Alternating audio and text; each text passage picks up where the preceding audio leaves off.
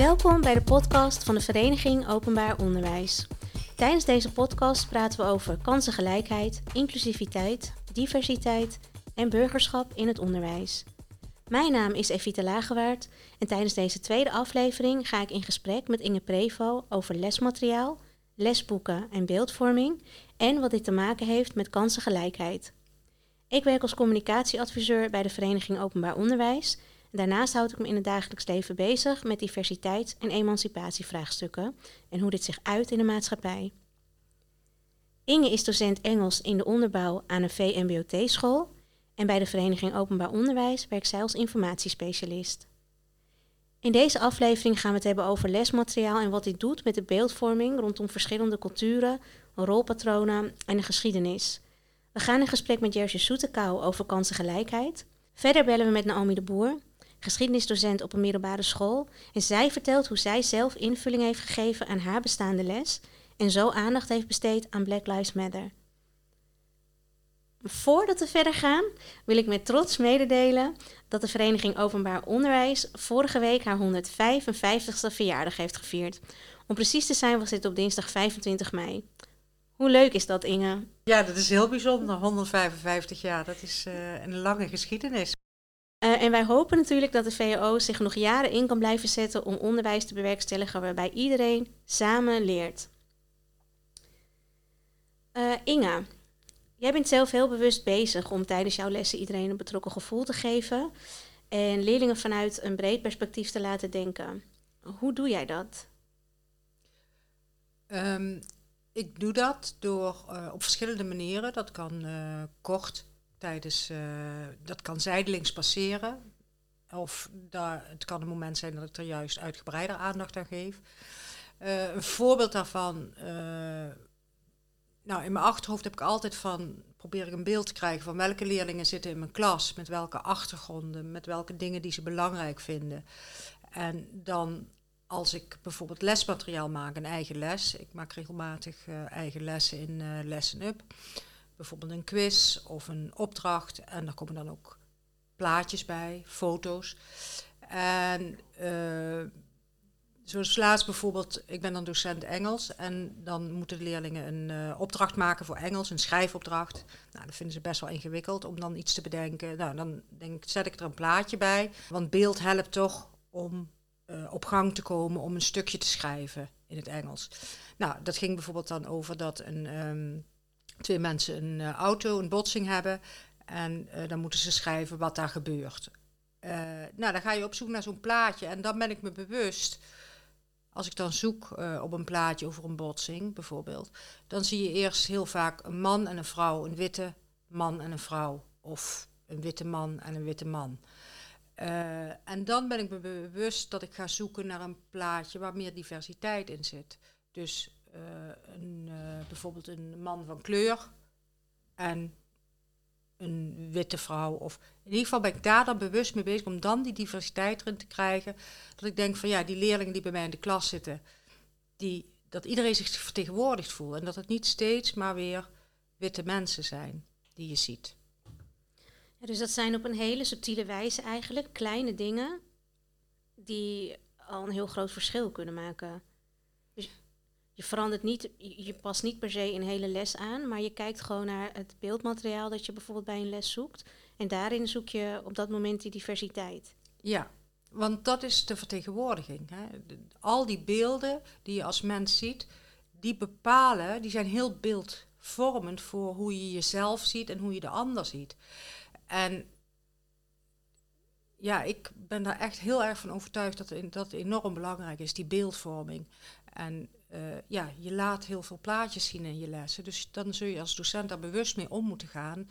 Dat je daar meer diversiteit in brengt. Omdat in de materialen en de plaatjes die je zoekt en vindt, zijn vaak zitten de stereotype, vanzelfsprekende, traditionele witte personen in. Dus je zult meer moeten zoeken om het representatief te maken voor jouw leerlingen.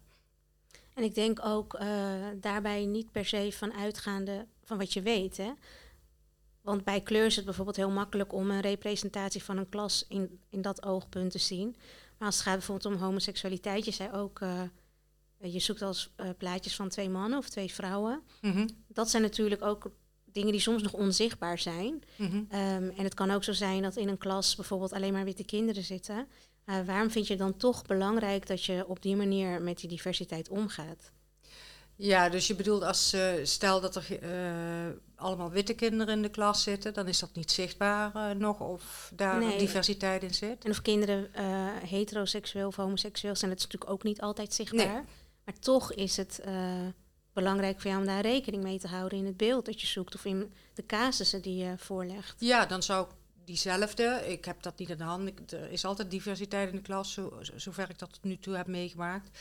Maar stel dat dat zo zou zijn, hè, dan zou ik dat toch blijven doen, omdat het, dat is de wereld, dat is de samenleving, die is divers. Dus dat zul je ook in je plaatjes moeten laten zien, ook al is het niet alleen voor de vertegenwoordiging, hè, voor, of voor de herkenning van die leerling op dat moment in de klas, maar ook voor het algemene beeld uh, voor uh, voor iedereen is dat uh, belangrijk. En bijvoorbeeld wat je net zei, homoseksualiteit, uh, dat kun je inderdaad niet zien. En dat zullen kinderen op de leeftijd, bijvoorbeeld ik geef les aan 13-jarigen, 14-jarigen, die zullen dat niet snel zeggen of niet zeggen dat ze homoseksuele gevoelens hebben. Want ja, dan wijk je af van de groep en dat is in die leeftijd toch heel lastig. Dus dan is het extra belangrijk, denk ik, als docent. Laatst had ik ook een les een plaatje zoeken van twee vrouwen die elkaar zoenen. En daar dan uh, niet ingaan als er gegiecheld wordt of geen extra aandacht bezitten, maar als, als heel terloops presenteren, zodat je laat zien van dit is normaal en dit. Uh, en ik hoop dan ook bijvoorbeeld dat leerlingen, stel dat er iemand seksuele, homoseksuele gevoelens heeft, dat hij zich daar dan ook een soort geruststelling uithaalt. Dat, uh, dat hij of zij er ook bij hoort. Dat is ook een optie en dat wordt ook erkend. Ja. En hoe komt het dat jij hier op deze manier mee bent gaan bezighouden? Ik denk dat dat een proces is. Uh, enerzijds heeft dat te maken met de plek waar ik werk. Hè. Hier bij de Vereniging Openbaar Onderwijs, ook als informatiespecialist, daar zijn we. Het motto is samenleven, samen leren. Dus daar wordt over gesproken en daar ben je mee bezig, uh, met diversiteit. Uh, het heeft ook te maken met dat ik uh, zelf in mijn persoonlijke leven die diversiteit meemaak. Ik ben getrouwd met een Turkse man, sinds 30 of 35 jaar, al heel lang. We hebben twee uh, kinderen. En ik, ja, ik voel me bijna ook half Turks, doordat ik die Turkse cultuur heb leren kennen en uh, veel met Turkse familie heb opgetrokken in Turkije en ook in Nederland. En toen heb ervaren van het wereldbeeld wat ik tot mijn zestiende had, was zo beperkt. En uh, ik had ook veel vooroordelen. En ik merkte dat, en dat merk ik elke dag weer, elk vooroordeel wat ik heb, klopt niet als ik in contact kom met de mensen waar ik dat vooroordeel over heb. En uh, dus die diversiteit is, vind ik ontzettend belangrijk om elkaar te ontmoeten in verschillende verhalen, in diverse achtergronden, cultureel, religieus, seksueel. Om zodra je de mens erachter leert kennen en het verhaal, dan kun je ermee uh, verbinden. Ja, want het is niet per se zo dat het bij jou uh, op school een standaard uh, beleid is, of dat daar met elkaar al van tevoren per se over gesproken werd. Het is echt iets wat jij en ook andere docenten bij jou op school um, vanuit eigen motivatie echt gewoon doen, omdat jullie het belangrijk vinden. Ja, het is uh, inderdaad een, een persoonlijke uh, interesse en betrokkenheid en het belang, dat belangrijk vinden. Ik merk in het onderwijs dat uh, op dit moment is heel veel aandacht voor um, rekenen, taal, bepaalde resultaten behalen. En daardoor vind ik verdwijnt dit onderwerp wel een beetje op de achtergrond. Terwijl ik denk dat het een heel belangrijk onderwerp is. Uh, maar ja, je moet ook als school keuzes maken natuurlijk in waar je tijd en aandacht aan wil besteden. Maar, maar met burgerschap dat steeds meer op de kaart komt en steeds belangrijker wordt. Ja. Binnen schoolomgeving passen dit soort dingen ook heel mooi natuurlijk. Ja. Nou, dat is overigens wel zo. Er wordt wel uh, veel aandacht gegeven aan burgerschap, maar dat zit vaak in een lesuur. Hè, als je het over de middelbare school over de, of het voortgezet onderwijs hebt. En ik denk dat het belangrijk is dat je het weeft door alle lessen heen. Op een hele terloopse manier. Zoals we net met plaatjes die je uitzoekt. Voorbeelden die je in je instructie benoemt. Dus als je een, een, bijvoorbeeld bij vreemde talen, zoals je bij Engels of Frans of Duits, dan praat je vaker in, het, in die taal met de leerlingen om hun die luistervaardigheid en dat begrip te ontwikkelen. Ik doe dat vaak aan de hand van gebeurtenissen die dan uh, in mijn leven hebben plaatsgevonden. Nou ja, dan kun je gebeurtenissen pakken waar diversiteit in zit. Als je er bewust van bent, dan kun je die diversiteit overal in laten terugkomen. In je lesmateriaal, in de verhalen die je vertelt. Ja, als we kijken naar de rol van lesboeken, dan uh, kunnen we ook constateren dat die een grote bijdrage leveren uh, aan de beeldvorming die wordt gecreëerd bij leerlingen.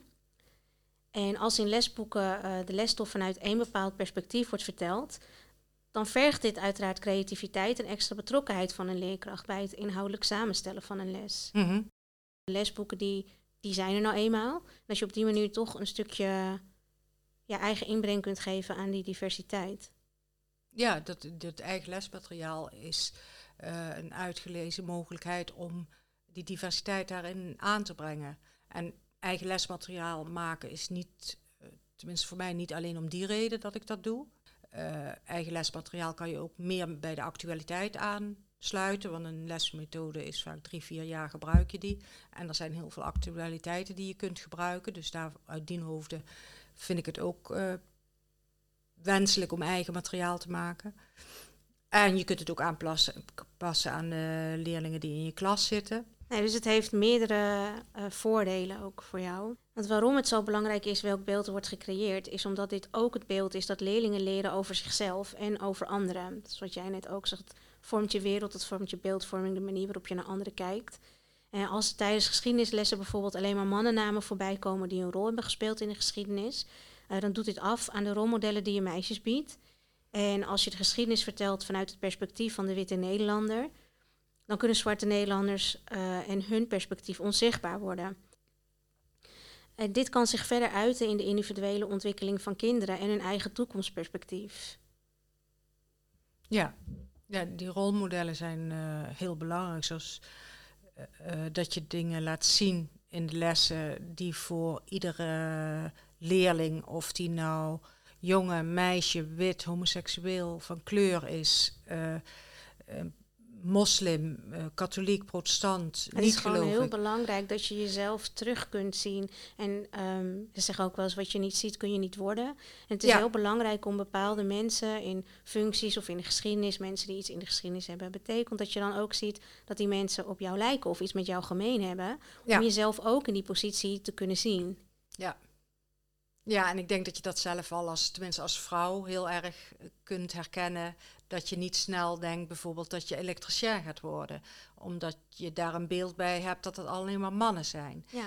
En zo werkt dat voor elke, uh, voor andere dingen ook. Hè, met uh, huidskleur of met seksuele geaardheid. Als je mensen ziet die op jou lijken en die doen iets, uh, een bepaald beroep, dan zie je dat als een rolmodel. Maar als jij steeds alleen maar witte mensen ziet of witte mannen, dan open je die mogelijkheden niet. Ik vond dat ik voor afgelopen jaar met Black Lives Matter en ook de verkiezingen van uh, Trump, nee van Biden, sorry, uh, met Camilla Harris.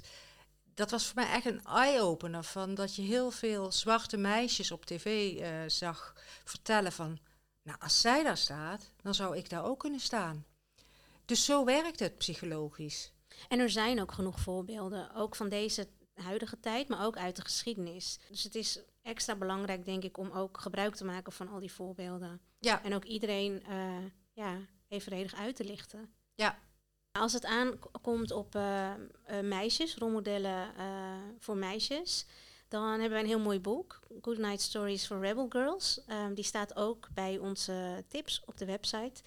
En dit is een boek, ja, dat heeft eigenlijk niet zoveel met lesmateriaal te maken in eerste instantie. Het is niet per se gemaakt als lesmateriaal. Het is een voorleesboek dat je aan uh, meisjes voor kunt lezen om hun te inspireren en rolmodellen uh, voor te schotelen. Maar ik vind zelf dat je het ook juist aan jongens zou ehm, moeten voorlezen. Zodat jongens ook zien wat uh, meisjes kunnen. En ja, dat iedereen kan worden wat hij wil. Of je nou een jongen bent of een meisje. En um, de vrouwen die in het boek staan beschreven, dat loopt ook heel erg uiteen. Dat zijn sporters, dat zijn uh, vrouwen die politiek actief zijn geweest. Uh, dat zijn uh, mensenrechtenactivisten, verschillende etnische achtergronden. Dus er zitten heel veel nou ja, verschillende vrouwen in het boek waar je aandacht aan zou kunnen besteden in lessen. dat zou bijvoorbeeld bij een Engelse les kunnen, dat kan bij een geschiedenisles. En zo kun je ja, zelf ook kijken als je iets hebt waarvan je denkt dat ze nuttig en dat ze representatief, kun je dat ook gebruiken.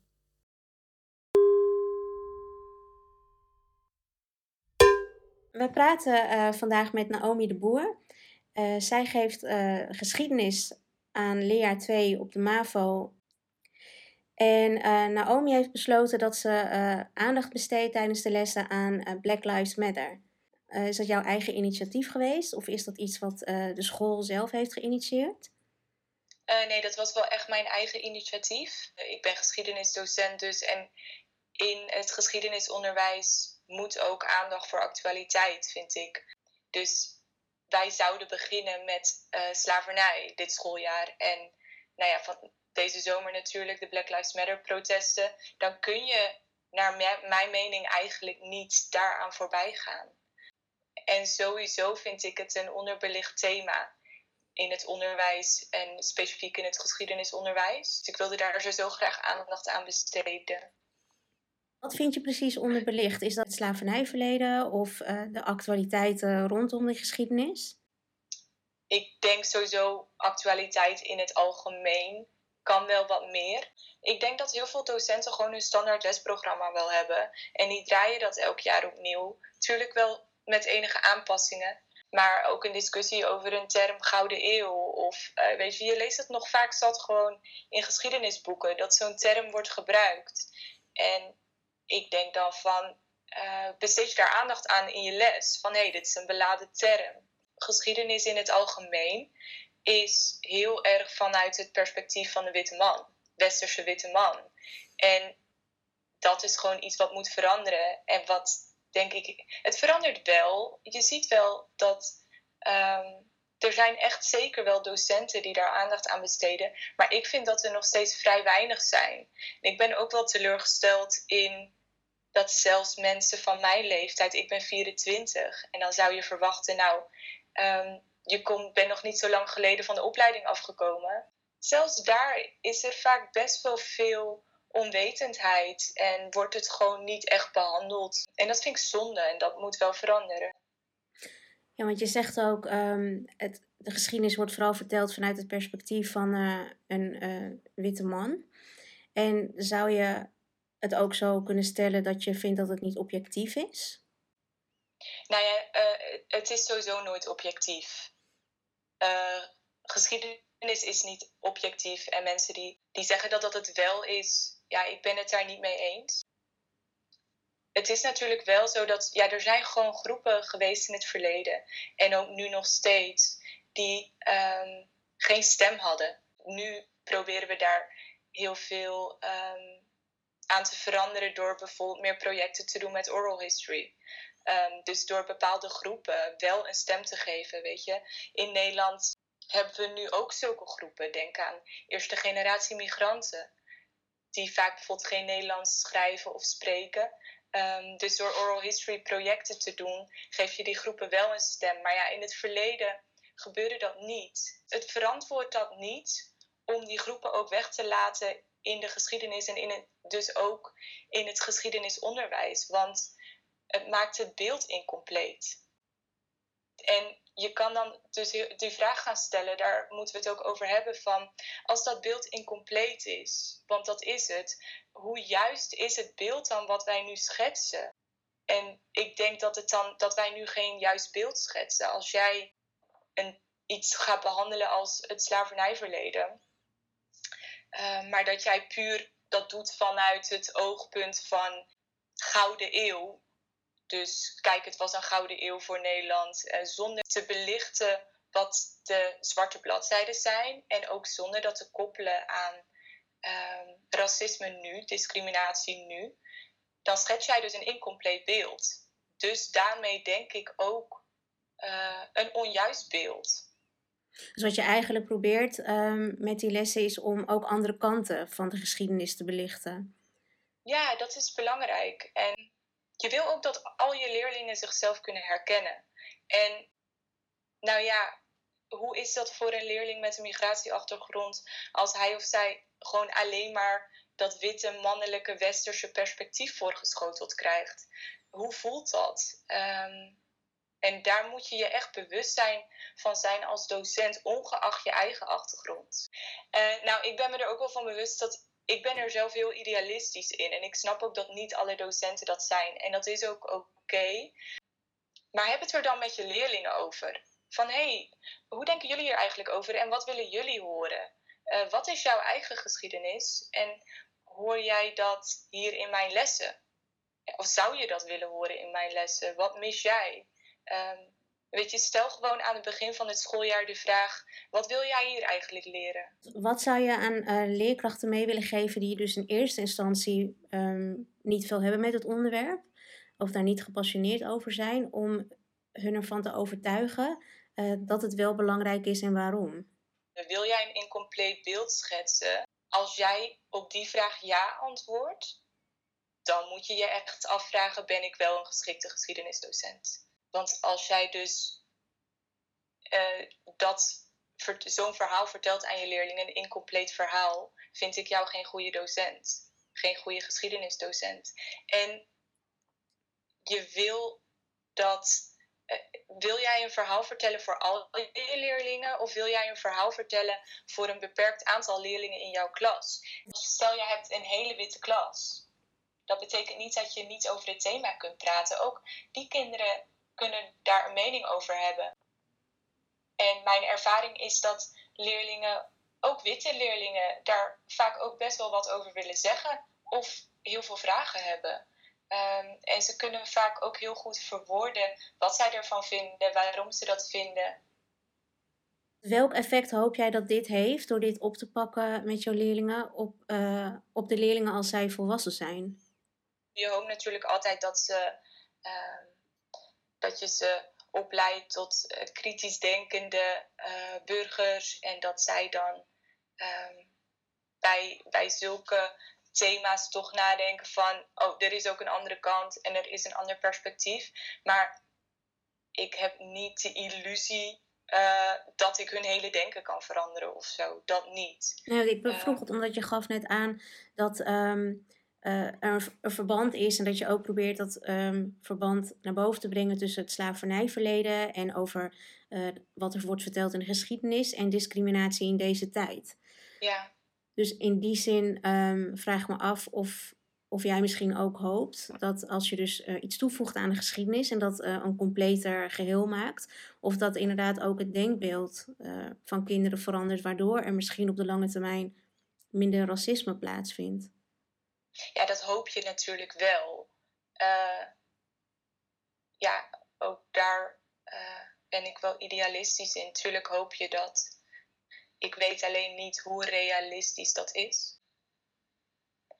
Ik denk dat vooral het stukje dat zij elkaars verhalen horen in de klas en elkaars ervaringen horen, uh, want die delen ze dan, dat dat misschien iets kan, dat dat wordt opgeslagen. Maar ik denk ook dat het heel lastig is, leerlingen die bijvoorbeeld uh, racistische uh, denkbeelden hebben. Ik denk dat het heel lastig is om dat om te buigen. Maar ik denk wel dat je bij leerlingen iets. dat zij misschien het besef kunnen hebben van. Oh, ja, er zijn dus. Uh, dat bestaat, racisme of discriminatie, dat bestaat. Omdat zij de ervaringen van hun klasgenoten horen. Dat is denk ik wel, uh, ik denk dat dat het belangrijkste is wat ik daarmee probeer te bereiken. En natuurlijk ook wel, ik krijg ook terug van mijn leerlingen met migratieachtergrond van, oh mevrouw, wat goed dat u hier aandacht aan besteedt en wat fijn. En daar doe je dat natuurlijk ook voor. Wat zijn ervaringen die leerlingen bijvoorbeeld delen? Uh, ervaringen van zichzelf, uh, ervaringen van familieleden. Uh, beetje bijvoorbeeld een jongetje die zegt: ja, als ik dan door de supermarkt loop, dan loopt die bewaker achter me aan. Of weet je, dat soort verhalen. Of um, ja, mijn neef wordt wel heel vaak aangehouden. Um, ja, van alles hoor je. Mijn vader krijgt geen baan en ik, wij denken dat het komt door zijn naam. Maar ja, maak dat maar eens hard. Er komt dan echt van alles naar boven als je, het over dit, als je dit soort thema's gaat bespreken daar is al een directe link natuurlijk met het geschiedenis wat je op dat moment ter sprake brengt. En ehm, eh, hoe dat zich nu nog uit. Ja, hoe, hoe dingen doorwerken inderdaad. En uh, zij vragen natuurlijk ook vaak, ja, waarom uh, hebben we geschiedenis? Dat is toch allemaal al gebeurd? Ehm, waarom moeten we dit leren? En dan kun je ook gelijk aantonen van, hé hey, kijk, hierom is het belangrijk dat jij je geschiedenis kent. Dan begrijp jij beter waarom dingen nu misschien zijn zoals ze zijn. Ja, en hoe heb jij dat gedaan? Want je zei, dit is mijn eigen initiatief geweest. En je hebt natuurlijk ehm, een vaste lijn in dingen die je uh, moet leren aan jouw leerlingen.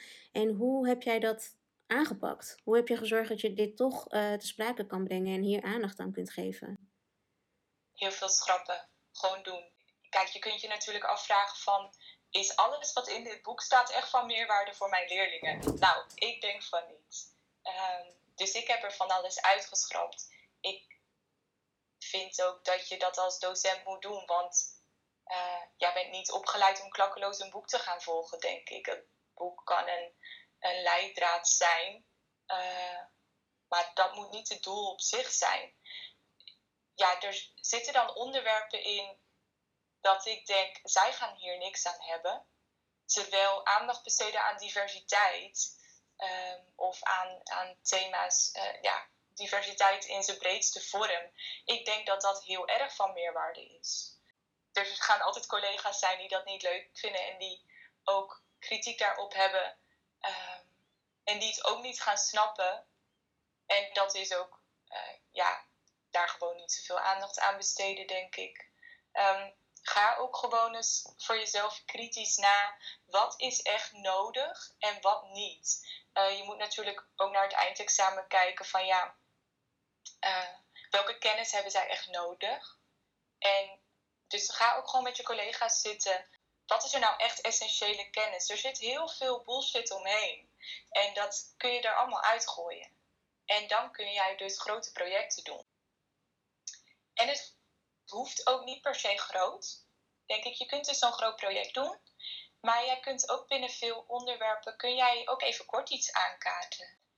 We hadden het bijvoorbeeld laatst over de eerste feministische golf. Ja, eh, kaart dan ook even kort aan, hey, hoe zit dat eigenlijk nu in Nederland met vrouwen en werk? En hoe doen wij dat in vergelijking met andere landen in Europa? Um, dus je kunt ook gewoon even kort iets actueels erbij pakken. Het daar even een kwartiertje met de kinderen over hebben. Van hé, hey, wiens moeder werkt er eigenlijk en hoeveel dan? En je vader dan? En dat zo even een gesprekje voeren, dat kan natuurlijk ook. Daar hoef je niet eens heel veel voor voor te bereiden. Ja, en bij jou op school is daar ook wel draagvlak voor. Want samen met uh, Inge organiseer jij ook een overkoepelend project. Nou ja, Naomi heeft aandacht besteed aan Black Lives Matter bij uh, geschiedenis. En uh, toen heb ik gekeken bij Engels. Ik ben docent Engels. ook voor de tweede klasse MAVO gekeken van hoe kan ik daarbij aansluiten. Nou ja, ik heb dan vooral gekeken van hoe kan ik inhoud uh, vinden die bij Black Lives Matter hoort. En tegelijkertijd moet het natuurlijk een Engels component hebben, omdat het vak Engels is. En toen uiteindelijk, ik heb best lang gezocht, ben ik op een film terechtgekomen van Jackie Robinson, 42 die film heb ik uiteindelijk vooral gekozen omdat er een stukje in voorkomt. Uh, waar heel, waarin heel duidelijk wordt, op een gegeven moment wordt Jackie Robinson flink uitgescholden vanwege zijn huidskleur in het publiek terwijl hij een wedstrijd speelt. En je ziet dan dat hij heel trots die catacombe inloopt. En dan zie je dat hij breekt. En dan zie je echt de pijn. En dat vond ik heel belangrijk voor vooral witte kinderen, om dat perspectief, die empathie te voelen op dat moment. Want jullie hebben daar op die manier een vakoverstijgend project van gemaakt. Precies. Dus zodat uh, de leerlingen nog meer bewustwording krijgen, omdat ze bij geschiedenis dus uh, dingen leren over hetzelfde onderwerp als waar jij tijdens Engelse lessen ook aandacht aan besteedt. Ja, Ja, want daar geloof ik wel heel erg in. Dat als je het niet, uh, als je het heel individueel en een bepaald tijdsvak alleen maar pakt, dan verdwijnt het ook weer sneller. Zodra je het vak overstijgend maakt en er dus over een langere periode in meer lessen aandacht aan besteedt, kan het ook beter beklijven, uh, kan er meer begrip komen. Dus ik denk dat dat ook een heel belangrijk aspect is. Dat, dat je het breed trekt en nou ja, er ook een, nog vervolg op geeft uiteindelijk. Ja, want jullie hebben ook aan de hand van um, dit project een eindopdracht, zeg ik dat goed, uh, gehad. Dat was jij mij net liet zien met de tekeningen. Ja, klopt. We hebben dus die, bij Engels de, hebben ze de film gekeken, hebben ze over Jackie Robinson gesproken heb ik ze gevraagd om te herkennen van welke, hoeveel momenten van racisme zie je in de film. En dat daar kwamen hele verschillende antwoorden op. Uh, en vervolgens hebben we uh, ze, nou ja, dat is ook net zoals Naomi net zegt, heb ik op internet heb je Teachers Pay Teachers. Dat is een website waar ontzettend veel lesmateriaal staat. En dat kun je voor een paar dollar kun je dat kopen en dan kun je direct downloaden. Nou, daar heb ik een poster uh, gevonden waarbij leerlingen in een samenwerkingsopdracht het portret van Jackie Robinson inkleuren, 36 A4'tjes, en dan krijg je een fantastische poster uiteindelijk. En nou ja, dat hebben we gisteren op de open dag laten zien. En zo hebben we dan na een maand, twee maanden nog eens een keer dat verhaal van Jackie Robinson weer opgehaald. En ja, zo probeer je het ook een beetje vers in hun geheugen te houden, zeg maar. En heb jij, um, als laatste vraag, heb jij drie tips voor leerkrachten als het interessant vinden om dit ook op te pakken, maar niet zo goed weten hoe ze moeten beginnen? Ga zoeken op internet. Er is zoveel. Um, is ook een, uh, een beetje van de VU. Wie ben ik en wie is de ander? Uh, over identiteit en cultuur met voor elk vakgebied uh, werkvormen. Maar zo staat er, er is nog veel meer. Er staat natuurlijk van alles. Je hoeft het wiel helemaal niet zelf opnieuw uit te vinden. Dat doe ik ook niet. En ga het gesprek aan met je leerlingen. Laat ze ook gewoon heel veel zelf aan het woord. Want ik denk dat het daar ook heel erg om gaat binnen dit thema. Dat je elkaars verhalen hoort en elkaars perspectief. Um, en gewoon elkaar probeert te begrijpen. En ga samenwerken met collega's. Ga met elkaar samenwerken. Um, eventueel dus ook met andere vakken. En dan zie leerlingen ook van, hé, hey, dat is niet iets. Het is, het is een thema wat niet alleen beperkt is tot bijvoorbeeld geschiedenis of maatschappijleer, maar ook, het is doorweven in de hele samenleving. Ja, ik bedoel, we leven in een samenleving met heel veel verschillende soorten mensen. En uh, het hoeft natuurlijk ook niet alleen diversiteit op die manier. Ik bedoel, hadden het net ook even heel kort bijvoorbeeld over man-vrouw. Uh, maar denk ook aan seksuele diversiteit. Dat zijn ook allemaal thema's uh, die behandeld moeten worden. En dat, hoort, dat hoort er ook allemaal bij, denk ik. Dankjewel Naomi. En um, wij wensen je allebei nog heel veel succes met je lessen. Yes, bedankt.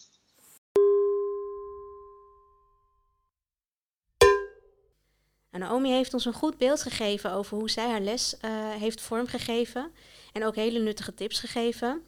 Zoals zij ook aangaf, gelden deze ook voor andere vakken dan alleen geschiedenis.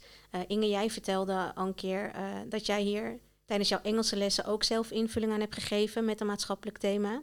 En we gaan zo verder praten over inclusieve taalvakken, want daar heb ik een leuk feitje over. Dit jaar is het tien jaar geleden dat er lessen Chinees werden aangeboden op middelbare scholen in Nederland. Het aantal leerlingen dat dit jaar ook eindexamen doen in het vak is toegenomen ten opzichte van vorig jaar. Want dit jaar leggen 264 leerlingen het eindexamen af. Vorig jaar waren dit er 232. En leerlingen leren tijdens dit vak niet alleen de taal, maar ook over de cultuur en de literatuur van het land. Deze cijfers zijn overigens gepubliceerd door NUFIC, de Nederlandse Organisatie voor Internationalisering van Onderwijs. Nou, ik denk dat het heel goed is om leerlingen de mogelijkheid te bieden om andere talen te leren dan er standaard op scholen wordt aangeboden. En ook om tijdens een taalvak meer te bespreken dan alleen puur de taal. Want um, ik zei het net al, Inge, jij geeft Engels. En ook daarbij kun je vanuit verschillende invalshoeken kijken. Wat voor ideeën heb jij daarover? Ja, ik denk dat taal, een vreemde taal, heel geschikt is om uh, inclusiviteit uh, mee te adresseren. En ehm, bijvoorbeeld wat ik, ik doe dat bij Engels vaker. Je, je geeft dus Engels en je hebt de, uh, de basistaal, de moedertaal waar, vanuit je redeneert is Nederlands. Ehm, dus bijvoorbeeld als uh, we met de Engelse cijfers beginnen, dan stel ik leerlingen de vraag van, nou, hoe zit dat nou in het Nederlands en hoe zit dat nou in het Engels? En merk je daar een verschil tussen? En dan komen leerlingen vaak van, ja, in het Engels draai het om. Je begint met de 20 en dan de 3. En dat is eigenlijk best wel gek dat in het Nederlands draait om. Begin je bij de 3. Dus dan haal je al de vanzelfsprekendheid van dingen af. Wat ik, dat vind ik op zich dan al een ding om leerlingen mee aan denken te zetten van zo vanzelfsprekend is, is een taal je taal niet. En ik kan me ook wel voorstellen dat um, kinderen daardoor, terwijl ze opgroeien, meer uh, begrip en respect uh, krijgen voor mensen die, waarvan de Nederlandse taal niet hun eerste taal is. Ja. Uh, want ook als soms mensen dan grammaticaal iets niet goed uitspreken of inderdaad een zin in een verkeerde volgorde zeggen, dan um, wordt dat ook nog wel eens geassocieerd met iemand is dom of iemand heeft zich niet aangepast of niet de moeite genomen om de taal te leren. Maar dat komt ook gewoon omdat in andere talen dat grammaticaal heel anders is en daardoor gewoon soms heel moeilijk is. Ja, dus daar maak je ze dan bewust van met, aan de hand van cijfers bijvoorbeeld. Um, en ook de woordvolgorde. Bijvoorbeeld als, uh, ik haal dan ook vaak aan in het Turks, uh, ik spreek zelf Turks en dan zeg ik een paar dingen in het Turks en dan geef ik aan dat de, taal, de woordvolgorde heel anders is. En als je dat letterlijk zou vertalen, dat je dan hele andere Nederlandse zinnen zou krijgen. En dan creëer je inderdaad dat begrip.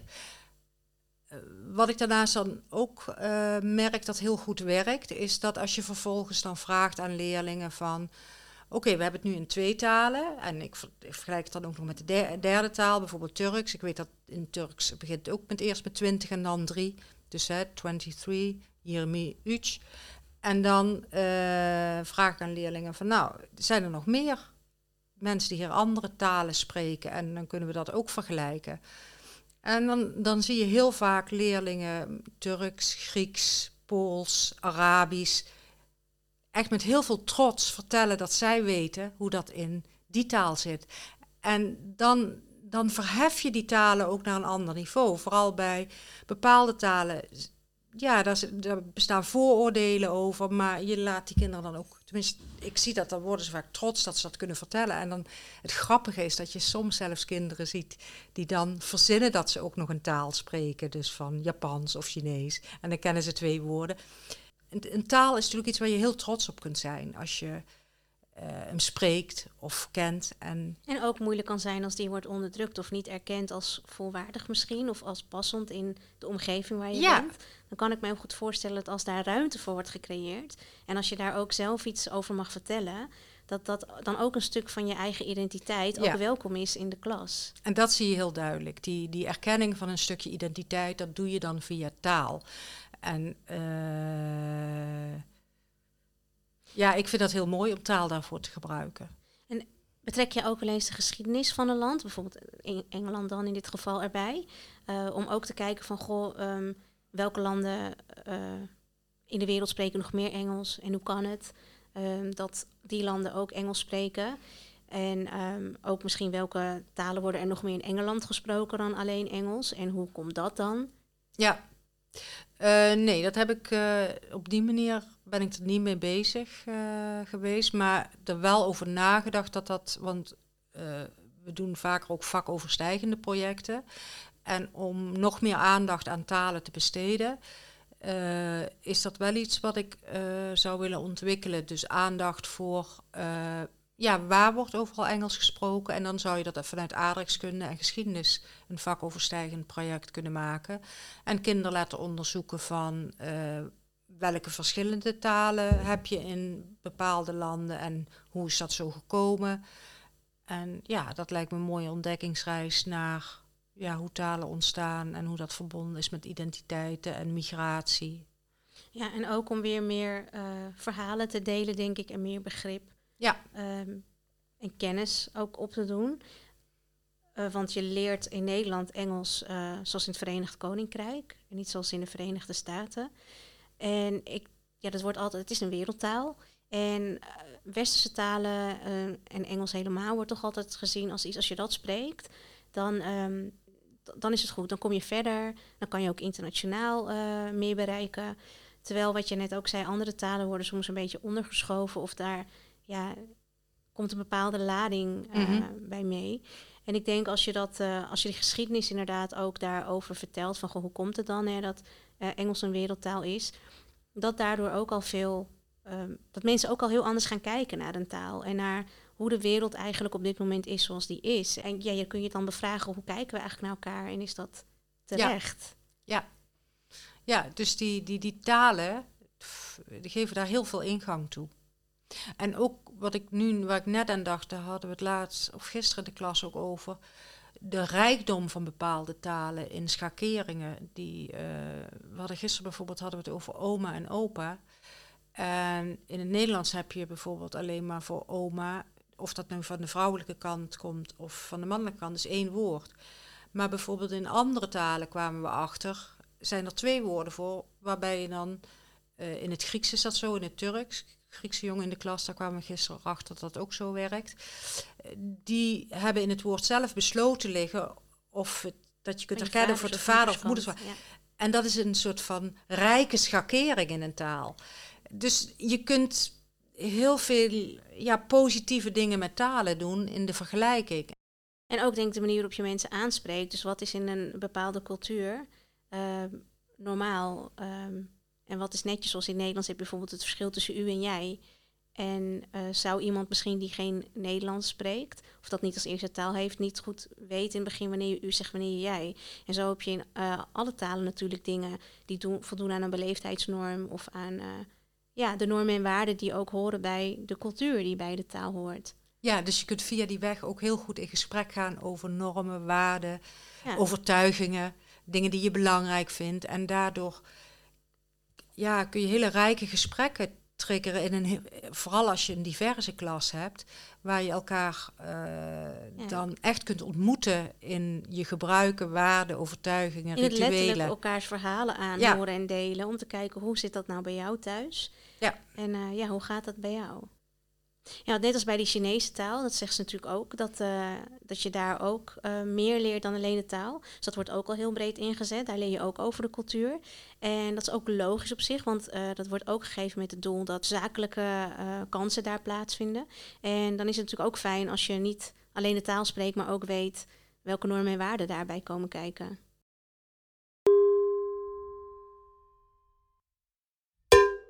Bij ons aan tafel zit Jersje Soetekou. Jersje is directeur van de Vrijwilligers- en Mantelzorgcentrale in Almere, oud-wethouder Sociaal Domein, Diversiteit en Inclusie, bestuurslid van onder meer Black Achievement Month en voorzitter van Stichting Diversiteit en Inclusie. Jersje, dankjewel dat je met ons in gesprek wil gaan over kansengelijkheid en burgerschap op school. Hoe belangrijk was het vroeger voor jou om het gevoel te hebben om erbij te horen? Heel erg belangrijk. Uh, Zeker eh, toen ik puber was. Ik denk dat, uh, dat iedere puber dat wel in zich heeft. Je wil ergens bij horen, je wil gezien en erkend worden. En ik was niet een puber die gelijk vanaf, uh, vanaf 12, 13, 14 jaar er stond en precies wist wat mijn identiteit is. Sterker nog, dat is een, een zoektocht die je volgens mij iedere dag van je leven nog moet blijven aangaan. Maar dat was wel een worsteling voor mij. Dus um, een, uh, een goed voorbeeld daarvan. Uh, in, het, uh, in mijn voetbalteam zat ik met een heel gemixte groep, groep jongens. vaak wat mondiger dan dat ik zelf was.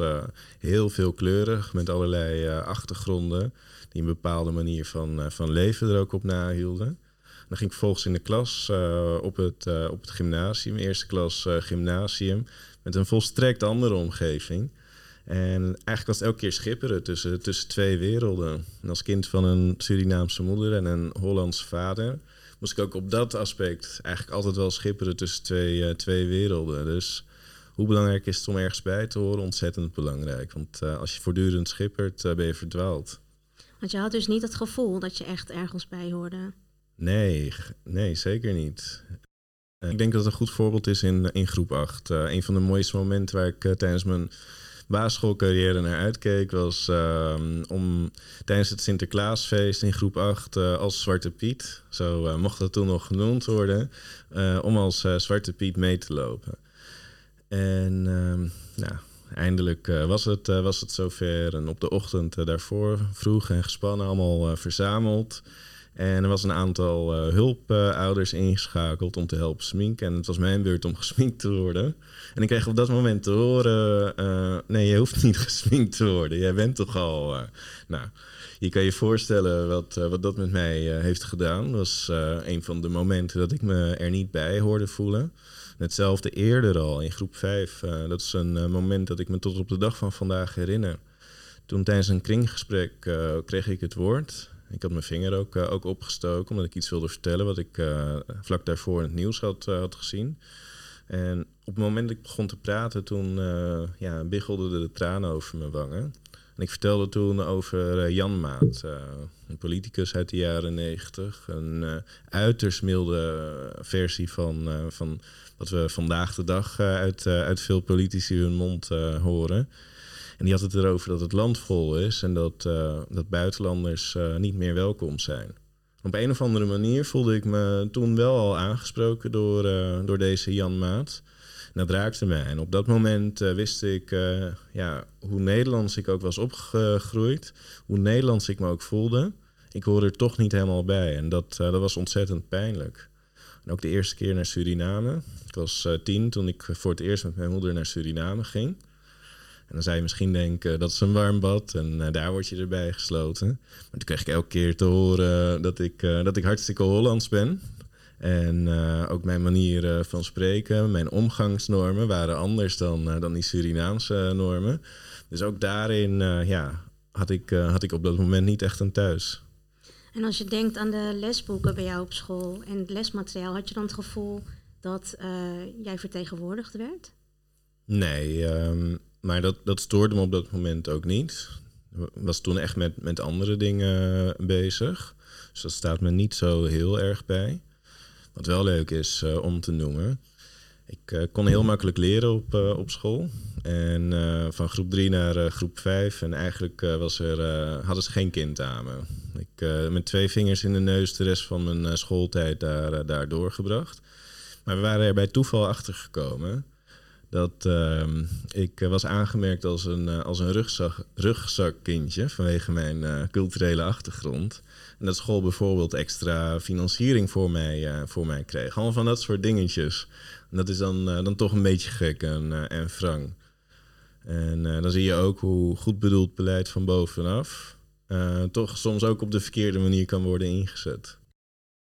Als je nu terugdenkt ook aan die periode, want je zei ik had het, het stoorde me toen niet, ik had het niet echt door. Als jij nu terugdenkt aan die tijd, uh, of dat nu de middelbare school was of de basisschool, is er iets wat jij hebt gemist of wat jij had gewild dat jou toen was geleerd? Um, ik denk dat het, uh, het accent in het onderwijs uh, te veel ligt, maar dat is een bredere aanklacht tegen het huidige onderwijs, te veel ligt op het aanleren van um, ja, wat, zou ik zeggen, toch wat, wat klassiekere vaardigheden.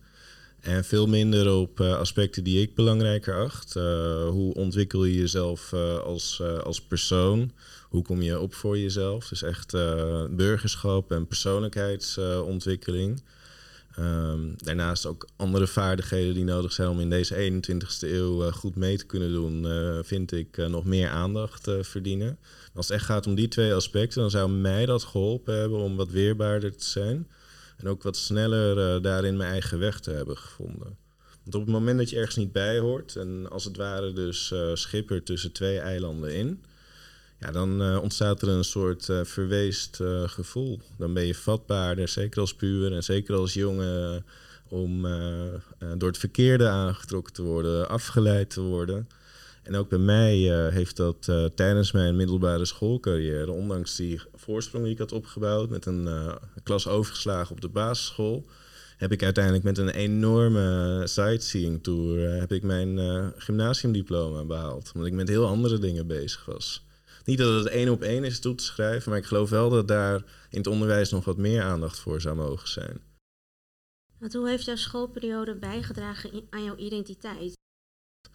De basisschool was mijn identiteit echt ingegeven door uh, goed kunnen, kunnen studeren en steeds hongerig zijn naar nieuwe dingen willen leren.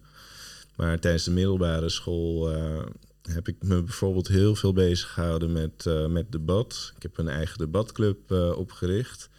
En het is ook niet gek dat, dat ik, maar ook heel veel andere leden van die debatclub uiteindelijk ook hun weg in de politiek hebben gevonden. In het Almeerse en ook, ook landelijk. En dan zie je dat daarin uh, eigenlijk al vroeg de basis wordt gelegd voor wat, uh, wat later, uh, later mogelijk verzilverd kan worden. Ja, dus je had toen echt die ambitie al om de politiek in te gaan. Ik vond debat een heel leuk spel, vooral, vooral dat. En ik had ook altijd een heel sterke maatschappelijke opvatting. Maar het is pas later gekomen dat ik wist, oké, de politiek is, is echt iets voor mij. Ja. En had je toen ook ideeën van wat je dus in onderwijs anders wilde? Ja, zeker. En Was dat een van je motivaties om dat ook te doen? Ja, absoluut. Ik um, heb uh, een kleine tien jaar geleden heb ik, uh, ben ik ook uh, als vrijwilliger betrokken geweest bij, bij verschillende scholen via Stichting Kennis en Sociale Cohesie in Amsterdam. En wat wij deden uh, was bijvoorbeeld huiswerkbegeleiding en buitenschoolse activiteiten voor die kinderen die het uh, daar lastig hadden. Het was in Amsterdam Zuidoost, in de K-buurt. En dat is een van de, van de, ja, volgens de statistiek, een van de slechtste buurten van heel Nederland.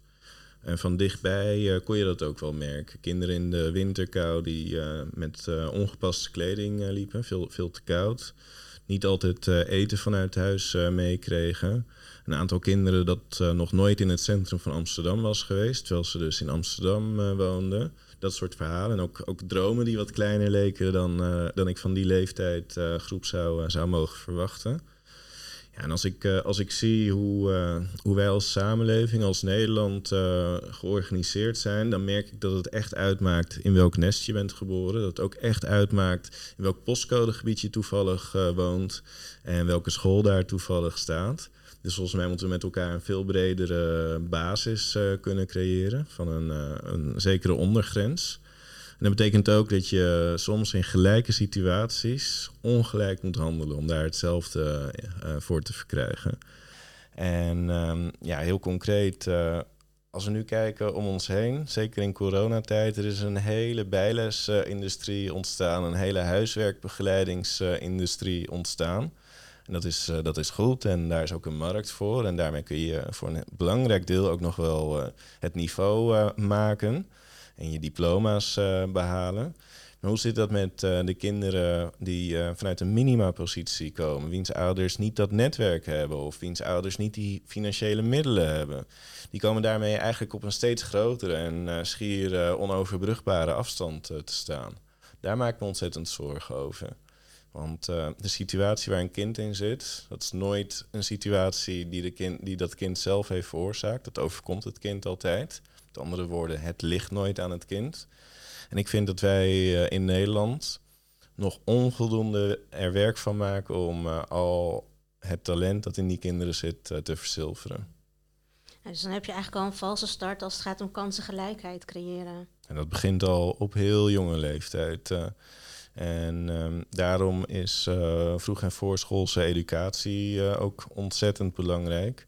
We merken dat heel veel kinderen natuurlijk op jonge leeftijd al met een taalachterstand op school zitten. En nogmaals, want uh, ja, tegenstanders kunnen opwerpen, dat heeft ook te maken met, met de ouders, wat die wel of niet meegeven. Maar laten we kijken naar dat kind. Het ligt nooit aan dat kind. En wij zijn als samenleving en als rijk land en als goede rechtsstaat, vind ik dat wij het verplicht zijn om ieder kind uh, de mogelijkheid te geven maximaal uit zijn of haar potentieel te maken. Dus dat betekent uh, het uh, breder en vrijer toegankelijk maken, ook van die vroeg- en voorschoolse educatie, zonder financiële drempels.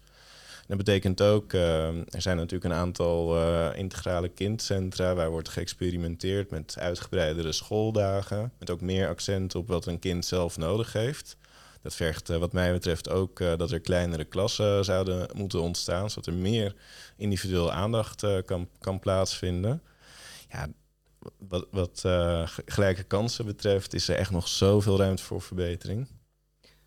Je hebt nu het NPO-programma, het Nationaal Programma Onderwijs. En in het voortgezet onderwijs zijn we bezig om te kijken van hoe ga je dat geld inzetten, hè? Die, in die 8,5 miljard over twee jaar. Hoe zou jij daar, bijvoorbeeld voortgezet onderwijs, heb je daar ideeën over hoe je met betrekking tot dat, die zorg die je net uitspreekt, hoe je daar gelden voor zou kunnen inzetten? Ik zou uh, echt, om te beginnen, zou, zou ik de klassen kleiner maken. Uh, omdat ik geloof dat die individuele begeleiding uh, steeds belangrijker wordt. En het vak leerkracht is in de loop der jaren ook ontzettend veranderd. Hè? Ik geloof oprecht dat het vak moeilijker is, is geworden. Er zijn steeds meer verantwoordelijkheden naar docenten toegekomen. De leerlingen zijn, zijn mondiger en veel kleuriger geworden. En als we dat nu gaan bezien, denk ik dat de klasgrootte te groot is. Een, een tweede aspect is, um, wanneer zorg je ervoor dat er uiteindelijk een advies wordt, wordt gedaan?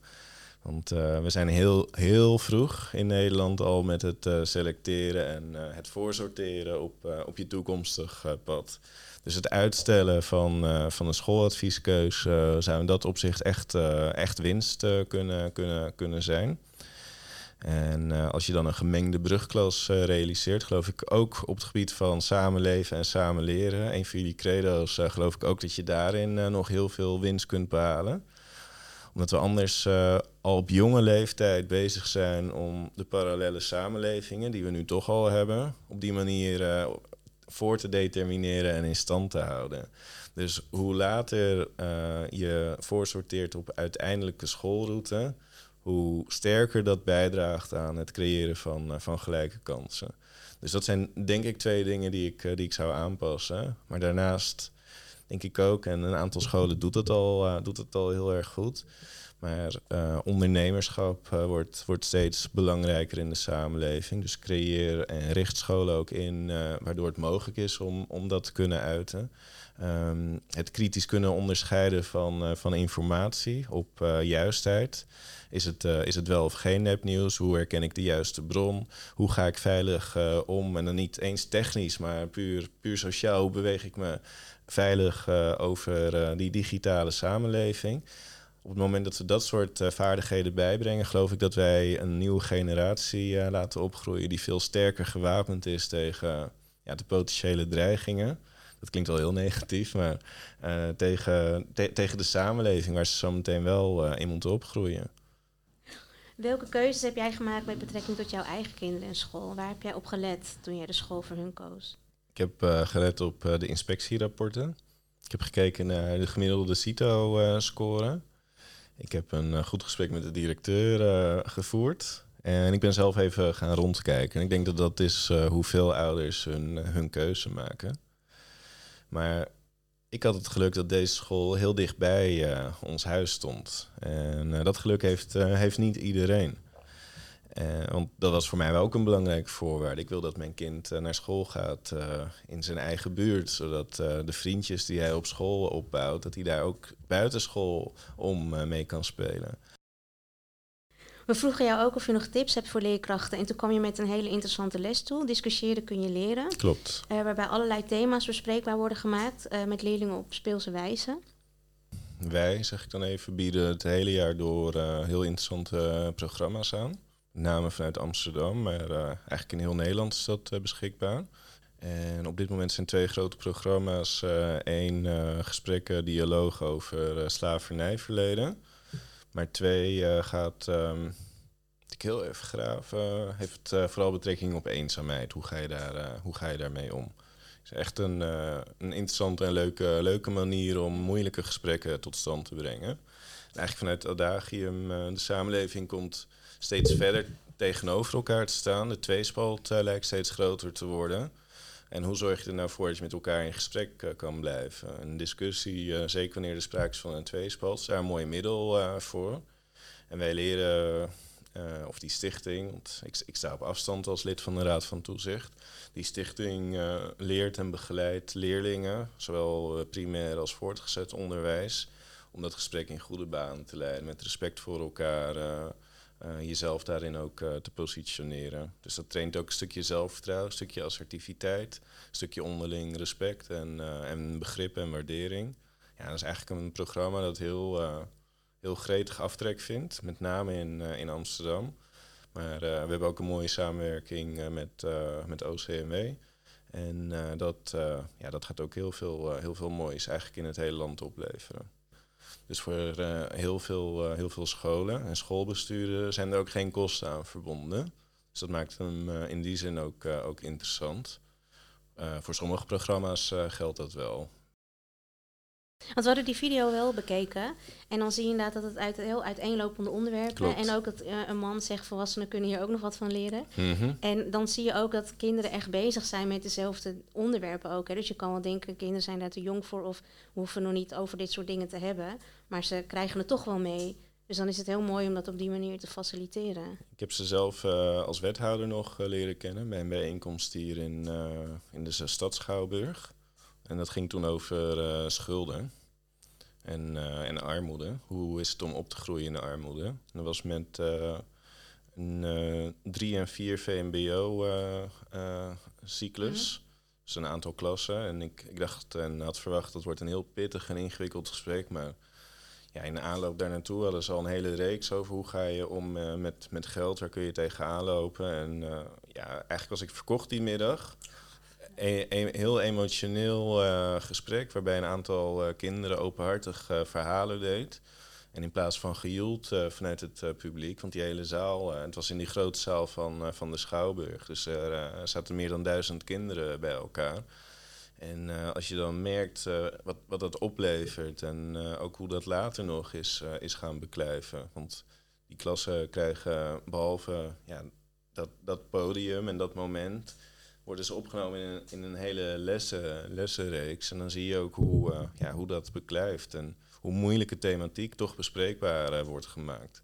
Zou dat iets zijn wat voor jou een toegevoegde waarde zou hebben gehad als daar aandacht was aan besteed uh, tijdens lessen op het voortgezet basisonderwijs. Ja, zeker. En ik denk dat het in het basisonderwijs ook moet beginnen. En ik merk ook wel dat het basisonderwijs is veranderd. Hè, is wel meegegroeid. Het heeft niet, niet stilgestaan. Als ik nu kijk bij mijn uh, oudste zoon van negen, die zit in groep 5 wordt er al veel meer nadruk gelegd op, uh, op kanjertraining en spreekvaardigheid voor jezelf opkomen. Ik denk dat dat heel erg, uh, heel erg belangrijk is. Um, als ik dat uh, in die mate had gehad, had het mij dat al wat meer gewapend uh, tegen, tegen de wereld, om dat zo te noemen. Tot zover ons gesprek met Jersje Soetekou. Dankjewel Jersje en heel veel succes nog met je inzet voor een inclusieve samenleving. Ja, en jij bedankt voor de uitnodiging.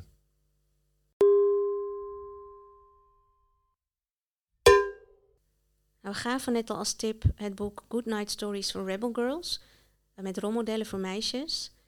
Een andere mooie tip, die ook past bij het verhaal van Naomi, is Inclusief India. Inclusief India is een online lesprogramma ontwikkeld door het Indisch Herinneringscentrum, waar thema's als Nederlands-Indië, Indonesië, dekolonisatie en multiperspectiviteit centraal staan. En deze digitale leeromgeving is gemaakt voor het voortgezet onderwijs en het middelbaar beroepsonderwijs. In de toolbox staan een aantal filmpjes, websites, artikelen, podcasts en strips die extra informatie bieden aan leerlingen en docenten.